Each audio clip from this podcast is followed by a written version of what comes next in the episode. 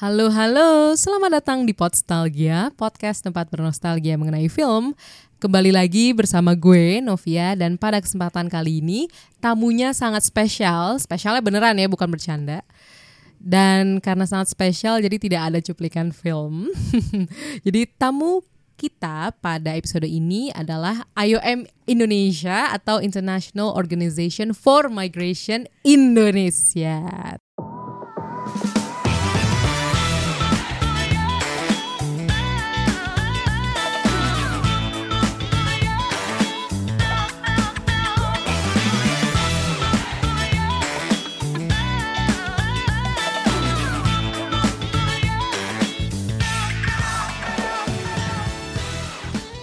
Jadi sudah bersama gue ada Dayinta. Halo. Halo sebagai perwakilan dari IOM Indonesia ya. Iya betul. Sekaligus dari Global Migration Film Festival 2019. Yoi, mungkin ada yang sebelumnya pernah dengerin episode Juno Shawshank Redemption mungkin masih ingat ketawa-ketawa Dan like gue. father like son. Oh iya, iya. ini orang yang sama. Orang Cuma kalau sebelumnya Day doang, sekarang agak formal Dayinta Iya.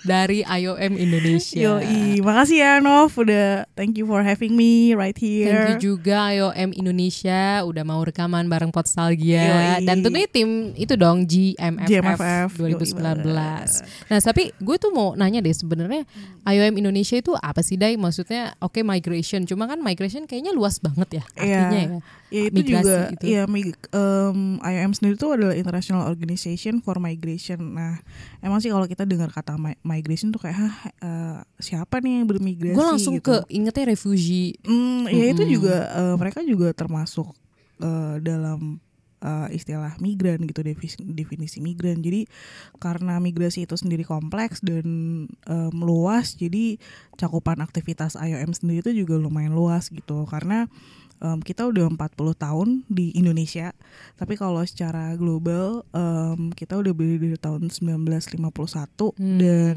headquarters kita ada di Geneva. Oh, seperti organisasi PBB Seperti yang lain. iya dan kita juga em, udah gabung lah di istilahnya udah gabung di dalam PBB itu tahun 2016.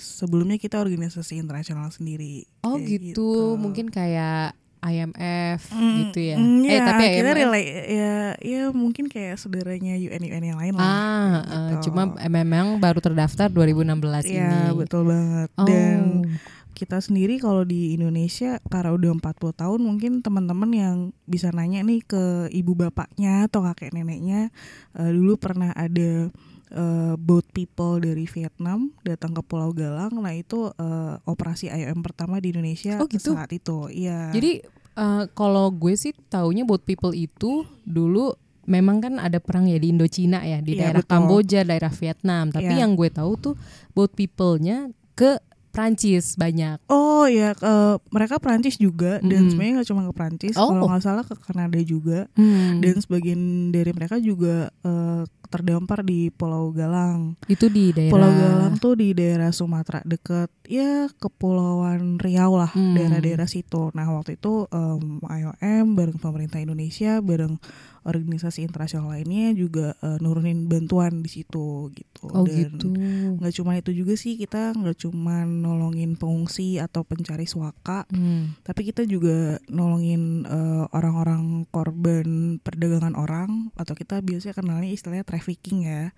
Kita juga em, nolongin orang-orang korban bencana juga kayak kemarin waktu tahun lalu ada bencana di Palu sama di Lombok kita terjun juga kayak Hmm. gitu. Wah luar biasa banget ya Hmm, ini Jadi em, hampir semuanya related dengan migration kita eh, ikut terjun juga sih kayak gitu. Ah oke dan sebenarnya eh, si berarti Global Migration Film Festival itu secara nggak langsung juga sebenarnya memperlihatkan semangat Iya. semangat IOM kan ya? Iya betul betul karena kayak em, kita juga bikin festival film ini tuh dari 2016 sebenarnya kalau secara global ya tapi kalau di Indonesia sendiri kita baru mulai tahun 2017 jadi tahun ini tahun ketiga. Dan kayak ya pasti teman-teman di sini juga suka film lah ya. Karena ya teman-teman di IOM sendiri juga percaya sih kalau kalau belajar yang paling enak tuh lewat audiovisual gitu Hmm. lewat film. Karena itu lebih apa ya lebih lebih menarik kali ya buat ditonton dan diresapi dan membuka apa ya ruang diskusi juga Mm-mm. gitu setelah kita nonton kan jadi kayak pengen ngobrol gitu kan diskusi Iya, sama temen-temen Betul dan setuju banget apalagi kan IOM ini kan juga diselenggarainnya juga di tempat-tempat publik ya. Iya betul dan betul gratis ya. gratis gratis Wow. festival filmnya gratis jadi eh, kita bakal mulai dari tanggal 28 November sampai 18 Desember seantero Indonesia jadi nggak cuma di Jakarta doang di mana aja? Jakarta. Jakarta. Pasti dong. pasti em, terus Medan. Ah, jadi teman-teman di Medan juga bisa datang Pekanbaru Tanjung Pinang eh, Semarang Surabaya Malang Makassar sama Kupang Kupang. yoi Wah, asik banget. doain aja eh, Luas mungkin banget. eh, bakal ada kota-kota lainnya juga sih tapi so far Amin. yang udah confirm itu Wow, luar biasa berarti memang sebentar lagi nih harus catat ya harus 28 28 November sampai 18 Desember Betul, 18 kalau Desember mau 2019. Iya 2019. Kalau mau lihat jadwal lengkapnya bisa tinggal cek Instagram kita di Iom Jakarta Hmm. kayak gitu. Twitter ada mungkin? Twitter ada. Twitter Oh. namanya IOM Indonesia. Heeh. Facebook kita juga bisa search IOM Indonesia atau kalau mau tahu lebih jelas juga soal IOM bisa datang ke website kita indonesia.iom.int. Ah, menarik banget. Jadi kalau mau kenal kenal lebih jauh mungkin sama salah satu NGO ya atau salah satu mungkin Hmm, organisasi iya, PBB. non profit lah ya. Heeh. Hmm. Mungkin bisa nonton dulu dari GMFF biar tahu spiritnya dulu Yoi. kan. Nanti kalau mau tahu lebih lanjut soal IOM, mungkin bisa langsung dikunjungi juga ya tadi sosmed dan websitenya. Yoi. Wow, asik banget. Gila, gila, gila. Gue gue kira selama ini migran tuh lebih ke pengungsi atau Iya. Asylum seeker, Hmm. ya kan? Iya sih emang em, mungkin kalau definisi pengungsi sendiri kan udah ada definisi legalnya Hmm. secara internasional. Oh, ada ya? Iya ada.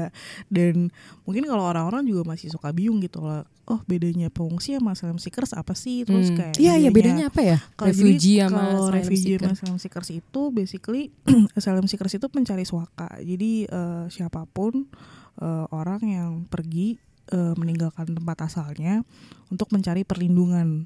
Kenapa dia Hmm. mencari perlindungan? Karena ya di tempat asalnya dia nggak bisa dapetin itu.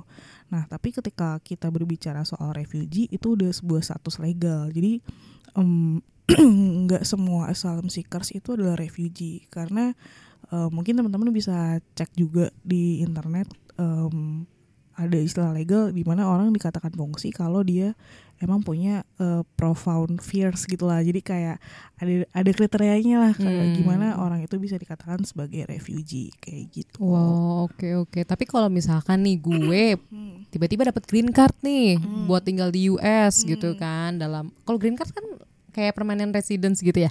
Eh, iya itu juga Itu migrasi itu apa ya gue pindah aja? migrasi sih Oh, udah sebenarnya. migrasi, Iya, ya. karena kan juga sebenarnya migran itu eh, definisinya juga lebih luas dan Hmm. enggak se apa ya lebih luas lah jadi kalau istilah migran sendiri menurut IOM eh, siapa pun orang yang pergi dari rumah eh, dari daerah asalnya dan dia pergi ke suatu tempat entah itu sementara atau permanen dan apa pun alasannya gitu jadi kalau misalkan kayak gue nih dulu gue em, di Jakarta terus gue ke Bandung gitu buat kuliah ya itu gue hitungannya juga migran gitu walaupun gue juga cuman ngelewatin nggak ngelewatin lintas batas negara gue tetap hitungannya migran Karena lo kuliah 4 tahun gitu. Iya, gue Jadi- away kan dari rumah gue gitu ke tempat Oh. lain gitu. Jadi sebenarnya kayak ya kayak biasa orang Indo kenal istilah merantau aja sih kayak Mm-mm, gitu.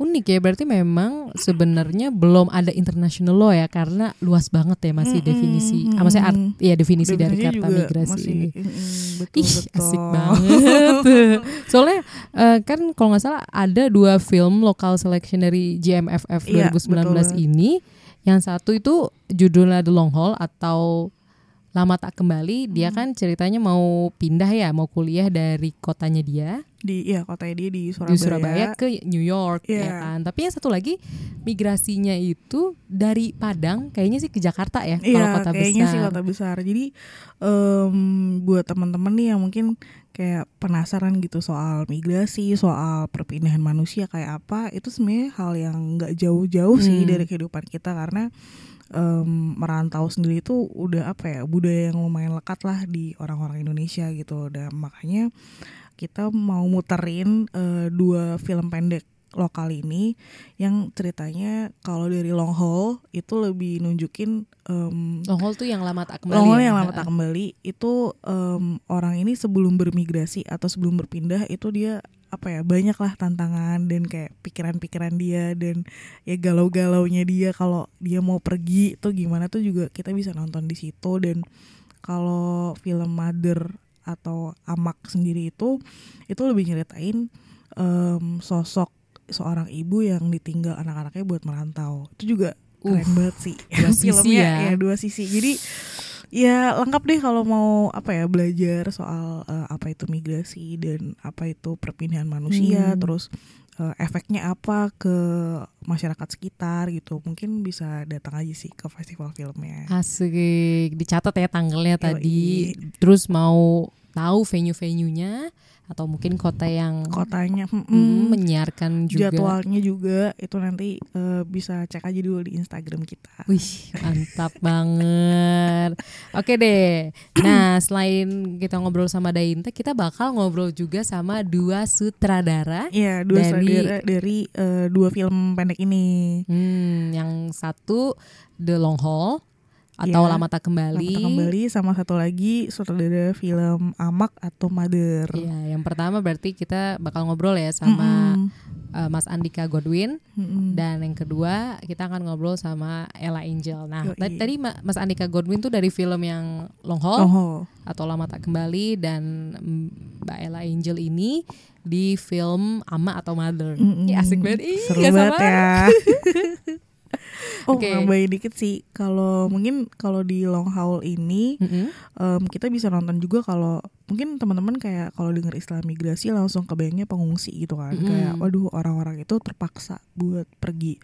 Tapi dari film long haul kita bisa lihat juga kok kalau pilihan untuk bermigrasi atau berpindah tuh juga bisa jadi pilihan kamu sendiri bukan karena keterpaksaan kayak gitu. Dan ini kan juga ceritanya agak spoiler dikit lah ya Mm-mm. di long eh, di long haul ini si tokoh utama itu ceritanya mau pergi ke luar negeri buat sekolah Mm. dan kita juga bisa ngebayangin sih gimana eh, pelajar Indonesia yang kuliah di luar negeri itu bisa apa ya hasil dari migrasi mereka bisa berkontribusi lah buat negara kita kayak gitu jadi Wow. ada efek-efek positif dari migrasi juga luas ya Luas. efeknya. emang lumayan Dan migrasi kalau nggak salah ada banyak ya, ada transmigrasi. Iya ada uh, urban migration juga Uh. gitu jadi kayak ya banyak ada kita juga mengenal istilah namanya internally displaced persons jadi em, eh, terjemahan Indonesianya secara umum pengungsi internal jadi biasanya kalau korban bencana kayak waktu itu korban bencana di Palu Mm-mm. mereka banyak banget yang akhirnya bermigrasi ke daerah-daerah lain dan juga pindah ke Makassar nah itu juga hitungannya juga udah migrasi Hmm.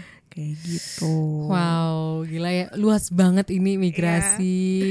Soalnya kan kalau di berita kebanyakan mengenai pengungsi ya. Mm-mm, mm-mm. Karena kayaknya kalau di Indonesia mungkin term atau istilah migrasi ini mungkin tidak seluas di Turki gitu atau di Iya, Filipina iya, yang kayak atau di Armenia yang diasporanya tuh luas banget iya betul di seluruh betul dunia. bahkan juga kayaknya belum semua orang juga mm, apa ya ngeh dengan apa sih diaspora itu Mm-mm. sebenarnya gitu Iya. bahkan dengan em, istilah migran dan migrasi aja orang masih bingung makanya kayak yaudah yuk kita belajar bareng-bareng ngobrol Mm. Eh, lewat festival film ini Asik. gitu Oke deh. Sekarang mungkin kita bisa langsung ngobrol ya Yoi. sama sutradaranya mungkin sama Mbak Ella Angel dulu ya. Yoi. Oke deh. Halo Ella. Halo. Halo. Ya, hai. Apa kabar? Halo. Baik. Baik. Alhamdulillah baik. Alhamdulillah. Oke, jadi eh, Ella filmnya Ama atau Mother ini kan masuk eh, shortlisted ya. Iya, jadi em, filmnya Ella ini masuk local selection dari Global Migration Film Festival sendiri. Ah, Jadi, sebelumnya eh, selamat dulu ya buat iya, Ella. Selamat, selamat ya. ya. Terima kasih, alhamdulillah ya. Keren Makasih banget banyak. filmnya. Terima kasih banyak Global Migration Film Festival udah mengapresiasi film Ama sebelumnya. Iya.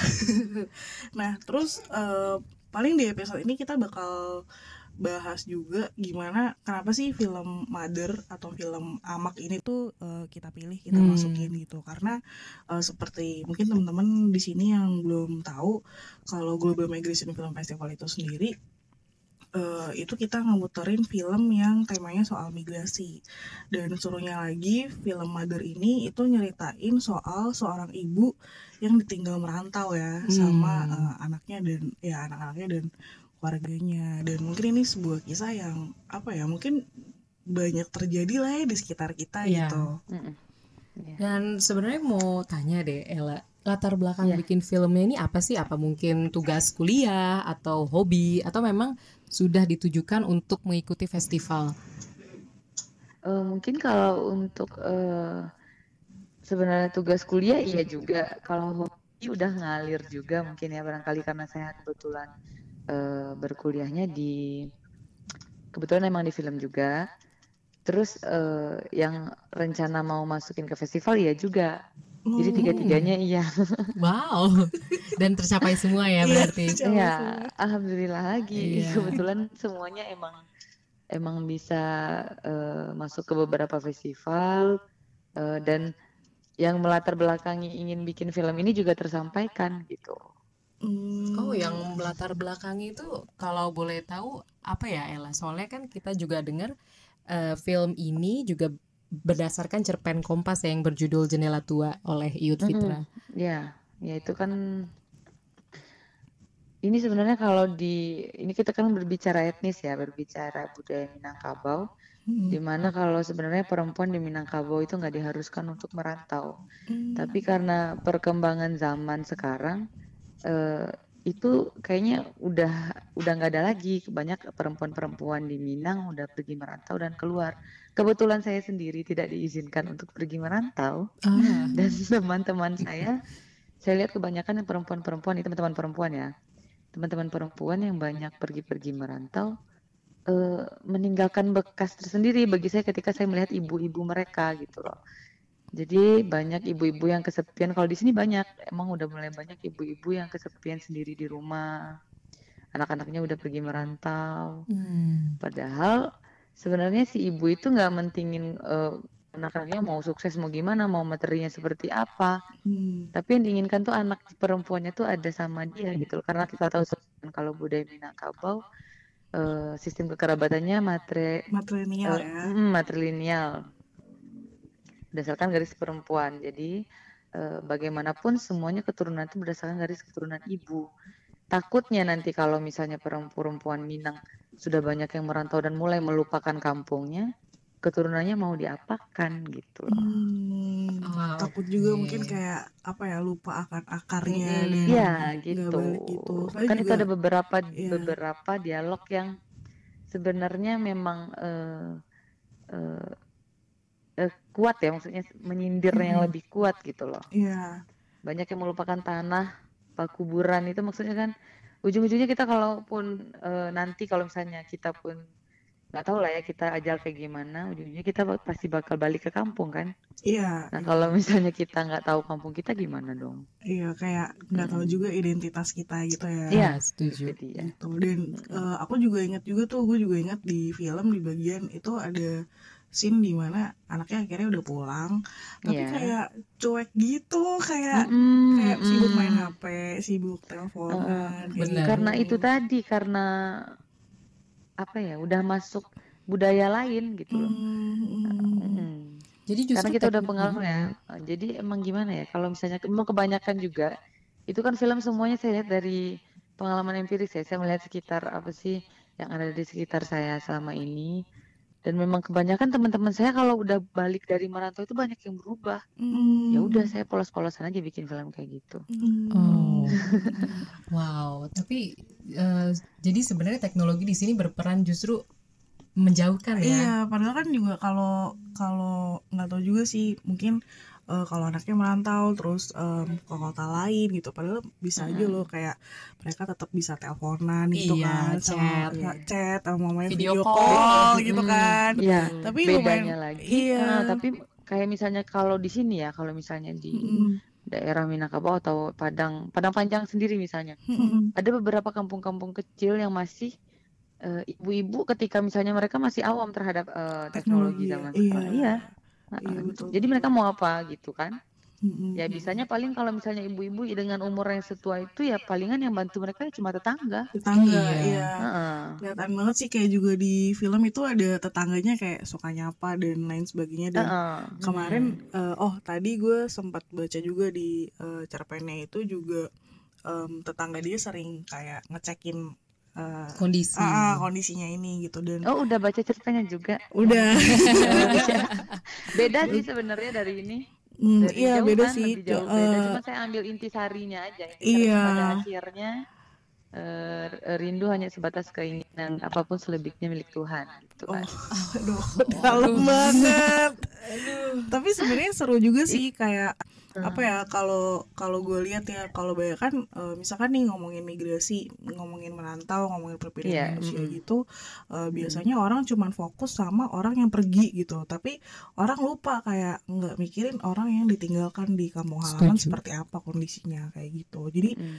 ini alasan juga sih kenapa kayak eh, kita memilih film ini biar orang tuh lebih melihat apa ya banyak perspektif dan dimensi dari migrasi itu sendiri. Hmm. Iya itu Gitu. dia. Tuh. Dan Nah, oh saya- dan saya pun ya. eh, khusus ya kalau Ella sendiri kalau ngelihat eh, gimana bagaimana Ella bisa melihat perspektif dari si ibu atau orang yang ditinggalkan.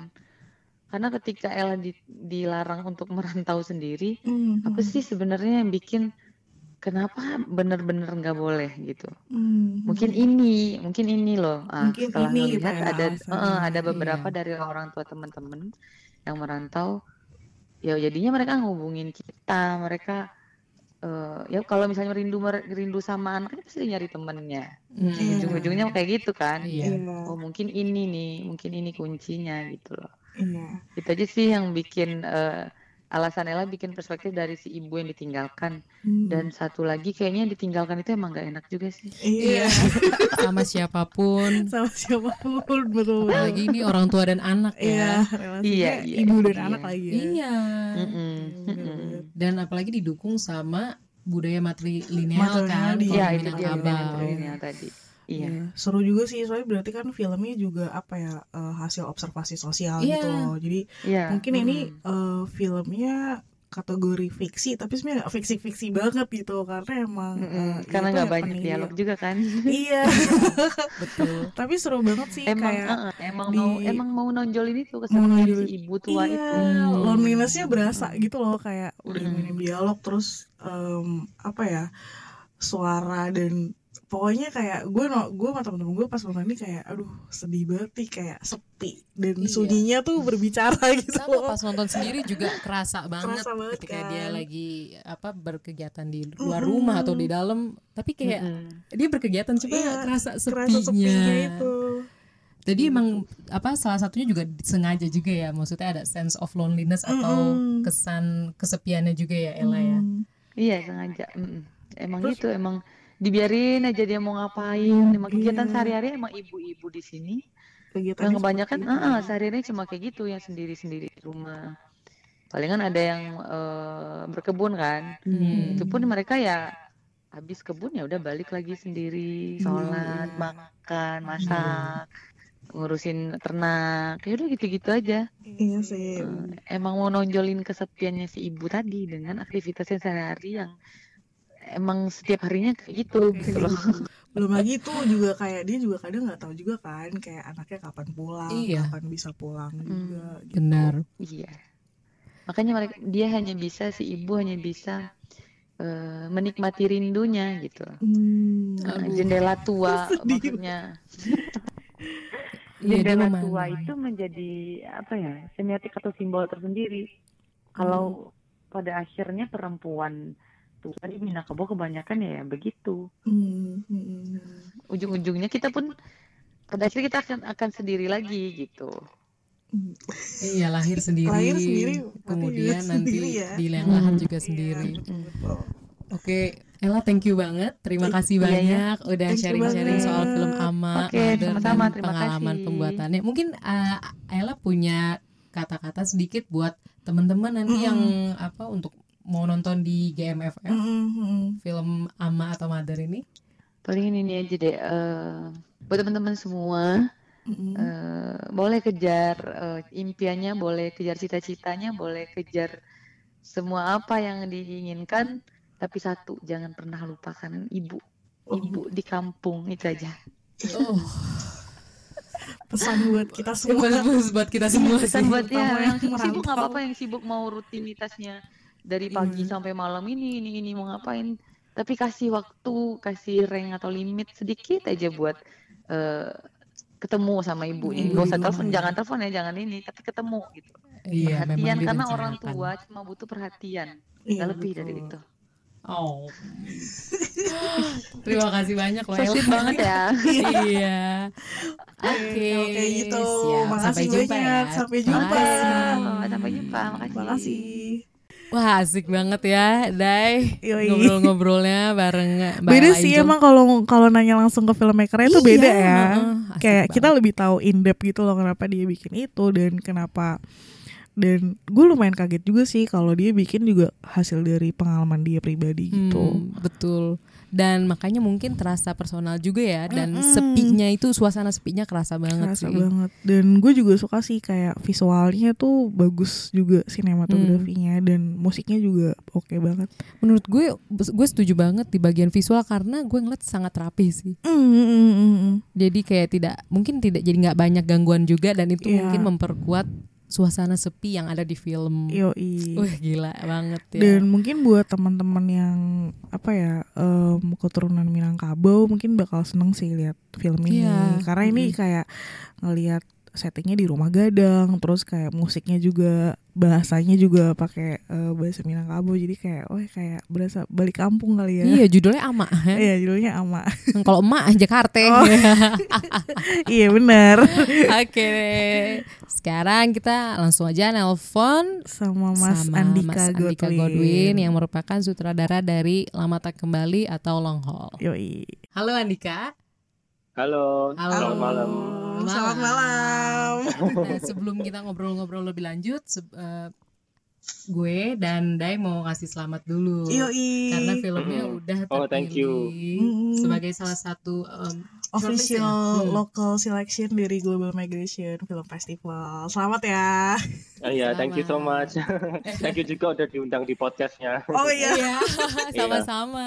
Sama-sama. Ay, mau cerita sedikit Iya, mungkin, mungkin- tentang long haul ya. Mm-mm, mungkin oh se- mungkin Mm-mm. sebelum ke long haul Mm-mm. bisa cerita dikit kali Oh, ya iya. soal eh, Andika kenapa sih bikin film long haul ini apakah emang ini tugas akhir kah atau emang ini hobi atau kayak aduh pengen deh diikutin ke festival atau gimana gitu Hmm, sebenarnya saya ini sudah jadi filmmaker sejak tahun 2012. Eh, Hmm. Dulu masih sebagai murid. Terus kan dulu saya sempat juga kuliah di Dongso di Korea jurusan film. wow Iya. Jadi itu tahun 2015 sampai 2017. Nah, Hmm. terus saya kuliah itu ya dulu berpikir kayak oh, ya kuliah film udah kece lah nanti kalau pulang Indonesia pasti jadi filmmaker kayak gitu. Hmm. Tapi setelah lulus akhirnya saya kan kerja sebagai di branding agency gitu. Terus saya mikir kayak kok aku nggak ngelakuin apa yang aku passionate ya kayak yang mimpiku dulu. Nah, di sini muncul mulai muncullah kayak semacam identity crisis yang akhirnya aku baru nemu kalau ternyata namanya itu quarter life crisis yang yang dialami orang-orang usia 20 23 sampai ke 30-an itulah. Ya jadi ya karena ini terus kayak ya The Long Haul saya buat karena saya kepingin kembali aja sih. Kembali melakukan apa yang saya passionate, yang saya cintai. Makanya judul Indonesianya Lama Tak Kembali itu tadi. Oh iya lama tak kembali ya. Oh, iya. Berarti sebenarnya tokoh Erik di film juga itu ya terinspirasi dari kehidupan Andika ya karena tadi kan dia sempet ngomong di film sempet kuliah di. Korea juga Iya. Ya. Iya, iya ceritanya memang sangat personal sih. Ah, Ini- Iya. Eh, terus juga eh, gue inget juga sih waktu di film si Eric bilang kan kalau dia ngerasa pas lagi sama Tiffany tuh di mobil kayak hmm. Mm-mm. eh, gue belum ngerasa bener-bener belum pulang gitu dia Hmm. bilang padahal dia juga Mm-mm. lagi di kotanya dia gitu tapi Iya. kenapa dia Iya. belum pulang Eh, mungkin itu ada kaitannya pulang related sama passion atau ngelakuin apa yang kita suka atau kali sama ya atau hubungan dengan Iya. Tiffany mungkin. oh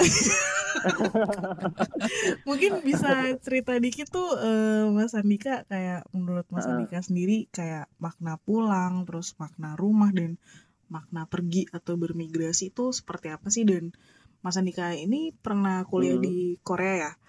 Mm-mm. Iya, jadi kan pernah tuh merasakan eh, apa rasanya menjadi migran, Ha, karena sebenarnya eh, pelajar internasional, pelajar Indonesia yang di luar negeri itu juga hitungannya migran. Mungkin bisa Mm-mm. eh, share dikit pengalamannya soal itu.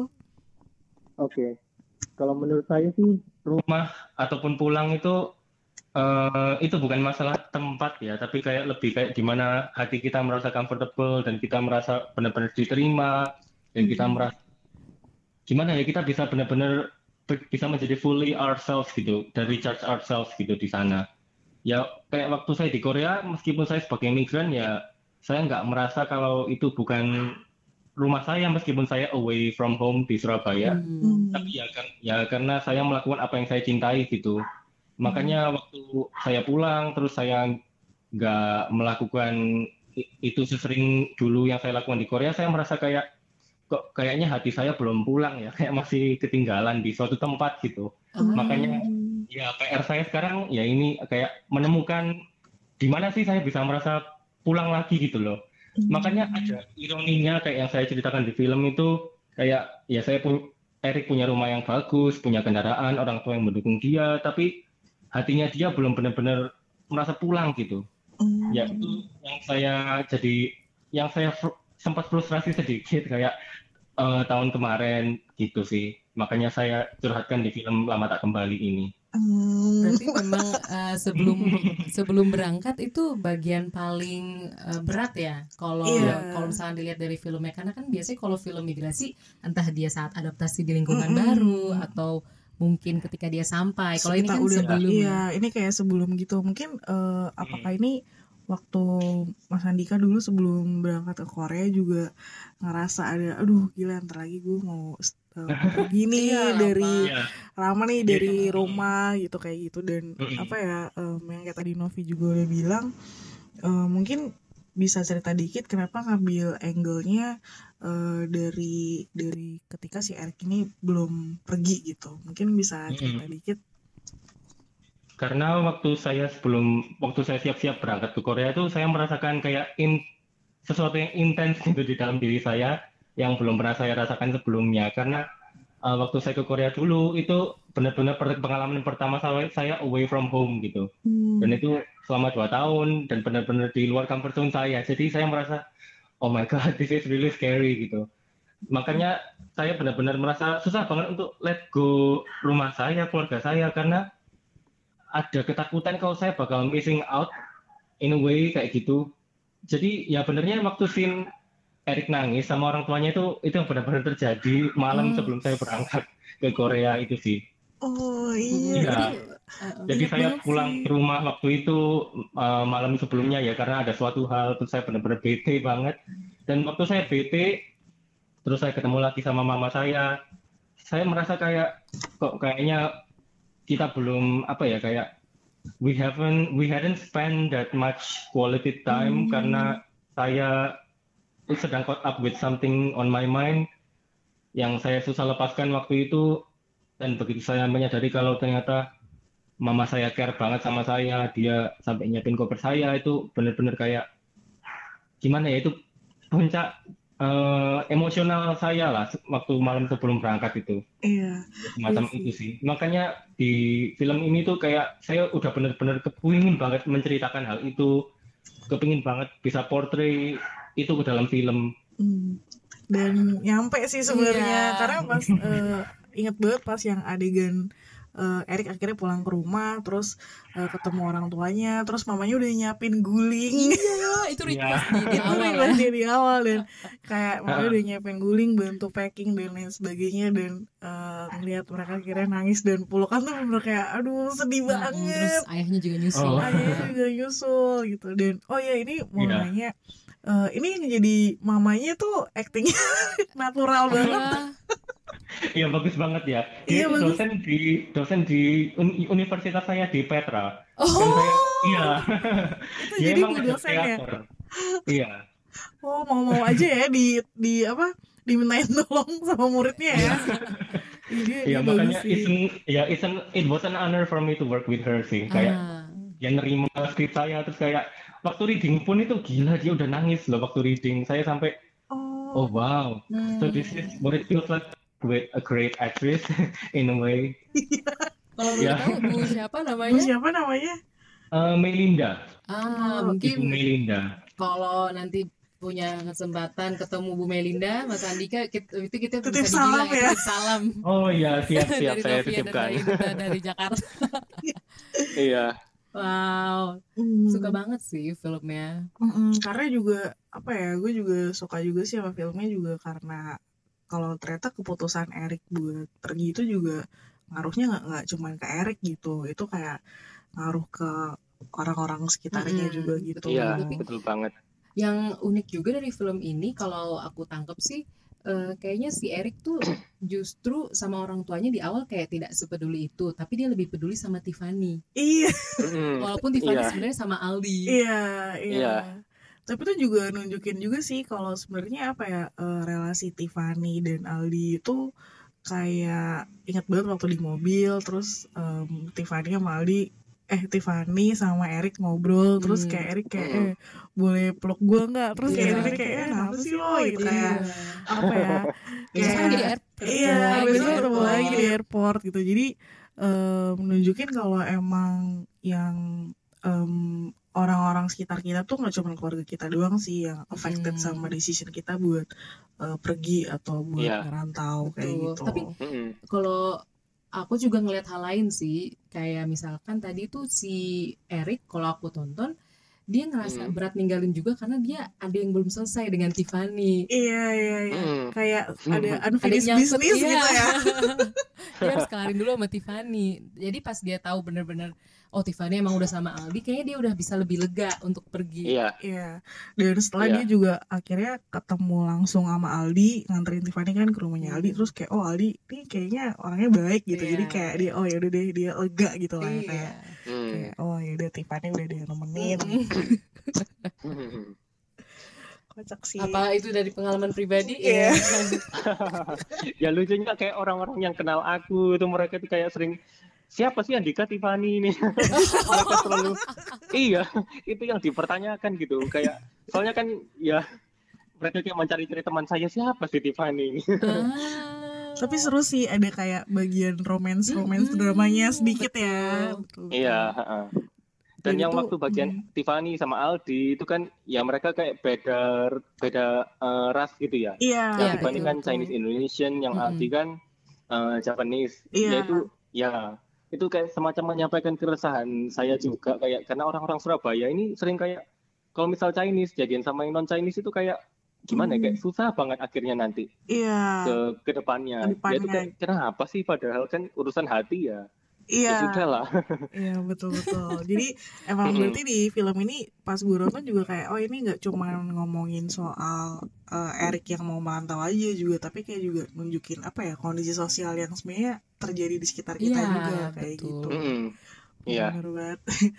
oh ya waktu itu gue juga lihat ini di eh, kan udah ada nih di Fitsi dan di Fitsi Iya. masuk itu ya eh, Busan Student International Oh, ya Festival ya. Asia University Film Festival. Ah, Oh, iya, keren. iya. keren banget. Selamat ya. Oh iya, thank you. Itu di anu di alumni saya di Dongso di Busan Oh. acaranya. Oh Iya. gitu.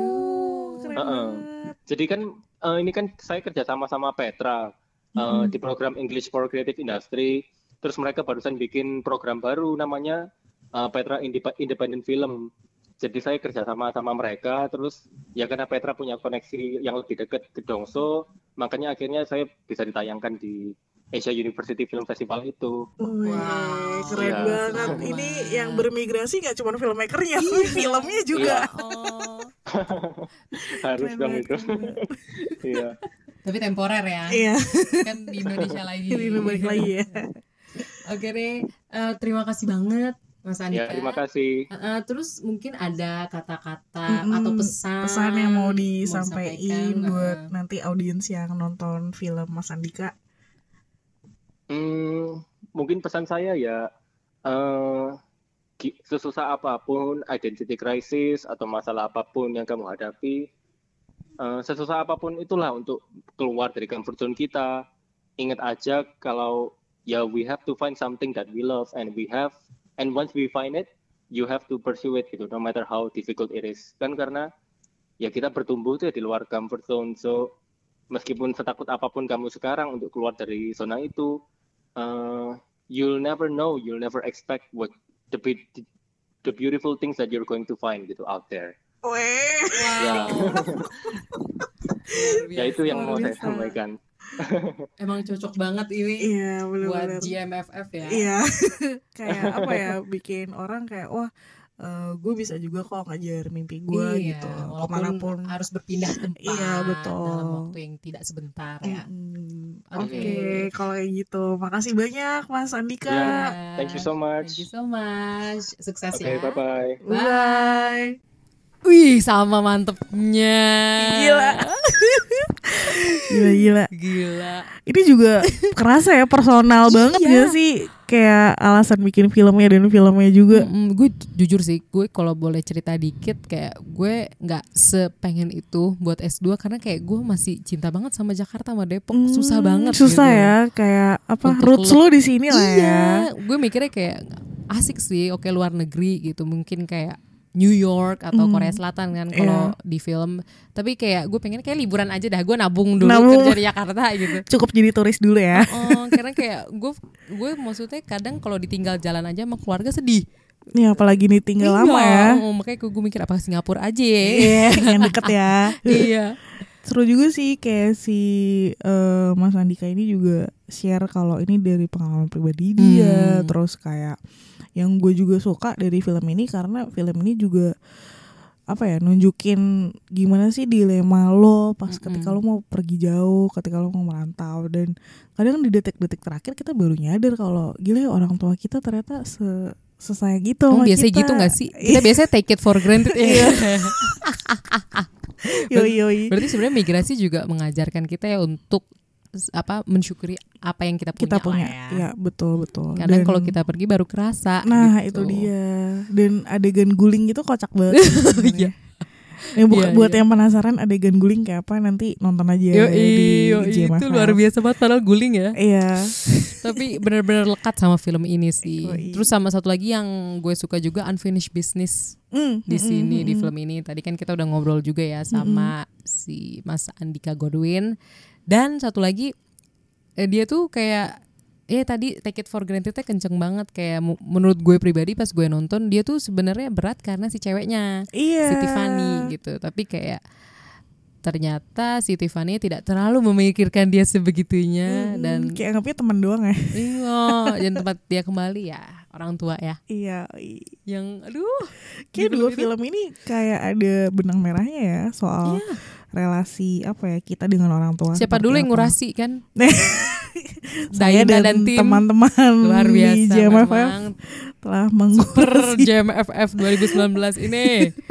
Iya sih kayak apa ya Iya emang dua film ini ngingetin soal relasi anak dan orang tua seperti apa. Dan menurut gue eh, ngeliatin juga kayak hmm, Apa sih yang lo rasain kalau lo pergi dan lo jadi lo jadi orang yang pergi dan lo orang yang ditinggalkan kayak gitu mantap Gila. dua sisi banget Dua ya sisi. Dan- ya karena kayak eh, setiap diri dari kita pernah jadi dua-duanya juga Oh iya sih? sih, betul. Dan untuk ini gue mau mengapresiasi tentu sutradaranya Mas Mhm. Anika Godwin dan Mbak Ella Angel dan tentunya tim GM FF 2019 yang sudah mengkurasi Yoi. film ini dan nanti kita bisa nonton bareng-bareng. Ya ampun. Asik. Gue jadi gak sabar deh.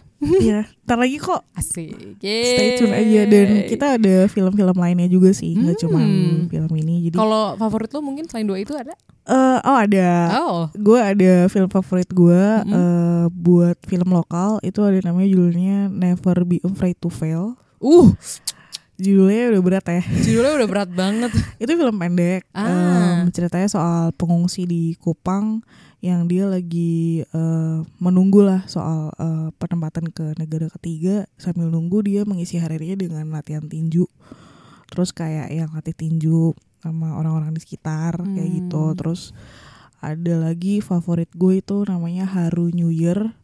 Haru New Year itu soal anak Jepang yang dia harus pindah ke Kanada dan harus adaptasi sama segala hal. Itu juga kocak tapi kayak heartwarming tapi kayak sedih tapi kayak aduh macam-macam deh. Hmm, Terus iya. ada satu lagi em, film judulnya Buoyancy. Nah ini mungkin buat teman-teman yang belum tahu, ini dia masuk nominasi Oscar kategori international film dan ini bakal diputar perdana di di dunia. Salah satunya sebelum rilis di bioskop. Dan gue juga nggak tahu sih bakal masuk bioskop Indo atau enggak, tapi ini bakal di premiernya di JMFF Indonesia. Gak boleh dilewatkan berarti ini GMFF 2019 Gila Aduh, udah tadi kita filmnya asik kan yang kita obrolin Iya. bareng sutradaranya. Terus tadi ada juga Never Be Afraid to Fail. Oh, di judulnya aja udah begitu ya. Iya, jangan takut buat gagal. Iya, dan tinju sports gue tuh suka suka sports kan? films. mau gimana? Tapi kalau ada, maksudnya mau gimana pun bentuknya mau airbat kayak mau Airbat. iya. mau yang dari apa sesimpel airbat atau sekompleks Moneyball gue suka banget dan mungkin kayak gue bakal coba cek Iya. tanggal ya mungkin Yoi. sesuai dan satu lagi Beyonce ya Iya, Beyonce. Beyonce bukan Beyonce. penyanyi Beb. Itu penyanyi. Iya, Ini iya, iya. Beyonce. Beyonce. ah Itu soal em, apa? eh, trafficking at sea. ah Dan sebenarnya based on true story juga sih. trafficking Mm-mm. Mm-mm. Berat tapi kayak nggak itu seru banget Mm-mm. filmnya. Bagus. Australia ya Australia, Submit Australia. gue jadi inget film Lion Oh iya, Ya Dev kan? Patel ya. Dev Patel Aduh, ganteng kan banget juga- ya. iya itu juga migrasi juga kan film migrasi Iya juga dia karena dia eh, dari India harus pindah Terpaksa ke Australia kan, dan tapi dia, ya. dia terpaksa. Tapi ya for his better life sih karena akhirnya dia juga ditolongin juga kan sama orang tua adopsi dia. Ya mungkin di episode lain. Oh iya, Bisa bahas gue Lion. jadi keinget soalnya film-film migrasi yang lain. Kayak banyak Iya, banget ya. Sebenarnya banyak banget sih dan apa ya kayak ya kita juga pengennya bisa muter banyak film juga biar Hmm. makin banyak orang juga yang bisa kayak ngobrol dan diskusi lah. Iya iya Gitu. iya. Mungkin kayak gue tuh dari dulu penasaran banget kenapa sih orang Filipina tuh pada migrasi ke USA Hmm, nah, gitu itu kan kan sampai kayak bikin komunitas tuh banyak banget Iya gitu banyak kan. banyak karena juga biasanya kalau orang pindah kan lu pengen apa ya ke tempat yang ada komunitas orang yang lu lebih familiar lah buat Mm-mm. bantu kayak Kan gitu, gue gitu. keinget Bradman Rock gitu Iya kan. itu kocak banget Bradman Kan dia salah satu apa generasi kedua Iya ya dia generasi dari kedua imigran migran, Filipina. ya migran Terus Filipina. Armenia tuh banyak banget Ya, juga Armenia kan kayak banyak. Penduduk Dan Armenia mungkin sekian sepak juta. bola pemain sepak bola tuh banyak juga tuh yang Oh, keturunan iya. migran kan pasti Iya, oh iya, hmm, apalagi Hmm, Prancis ya apalagi itu. Prancis, mantep. Mantep banyak banget ya. Asik. Yoi, deh. jadi ya- dan Indonesia makanya jarang dan makanya pas ya biar kita tahu. yo gitu. i yo i ya sebenarnya mungkin ya banyak migran lah di sekitar kita gitu Hmm. Iya, Deng, sorry. Migran keluar mungkin sedikit, tapi Mm. sebenarnya dari urban migrasi banyak ya. iya betul betul Oke deh. Thank you banget Dainta udah sharing-sharing soal sama-sama IOM Indonesia soal Global Migration Film Festival 2019 dan migrasinya sendiri gue Iya. kayak berasa ikut kuliah hubungan internasional ya bagian SKS migrasi ya. dua SKS lumayan global migration semoga ya. bermanfaat juga buat teman-teman Yoi. Postalgia yang sudah mendengarkan episode ini Yoi. Sekali lagi terima kasih Dainta. Makasih juga, Terima kasih tim IOM Indonesia dan tim Global Migration Film Festival 2019. Terus untuk teman-teman yang mungkin mau kasih kritik atau saran atau komentar apa pun atau yang receh-receh juga nggak apa-apa atau mau ngasih DVD ya. boleh Ngasih banget. DVD, Iya. ngasih Blu-ray Ngasih juga Blu-ray, boleh. iya. terbuka lah ya. Bisa langsung mention di Instagram dan Twitter dari Podstalgia yaitu di @podstalgia atau bisa langsung email juga kalau mau agak panjang ya di podstalgia@gmail.com. Dan kalau mau dengerin bisa didengerin di Spotify, Apple Podcast, Google Podcast dan platform podcast kesayangan Anda lainnya. Oke. Oke. That's it for this episode. Thank you so much dan sampai jumpa di episode selanjutnya.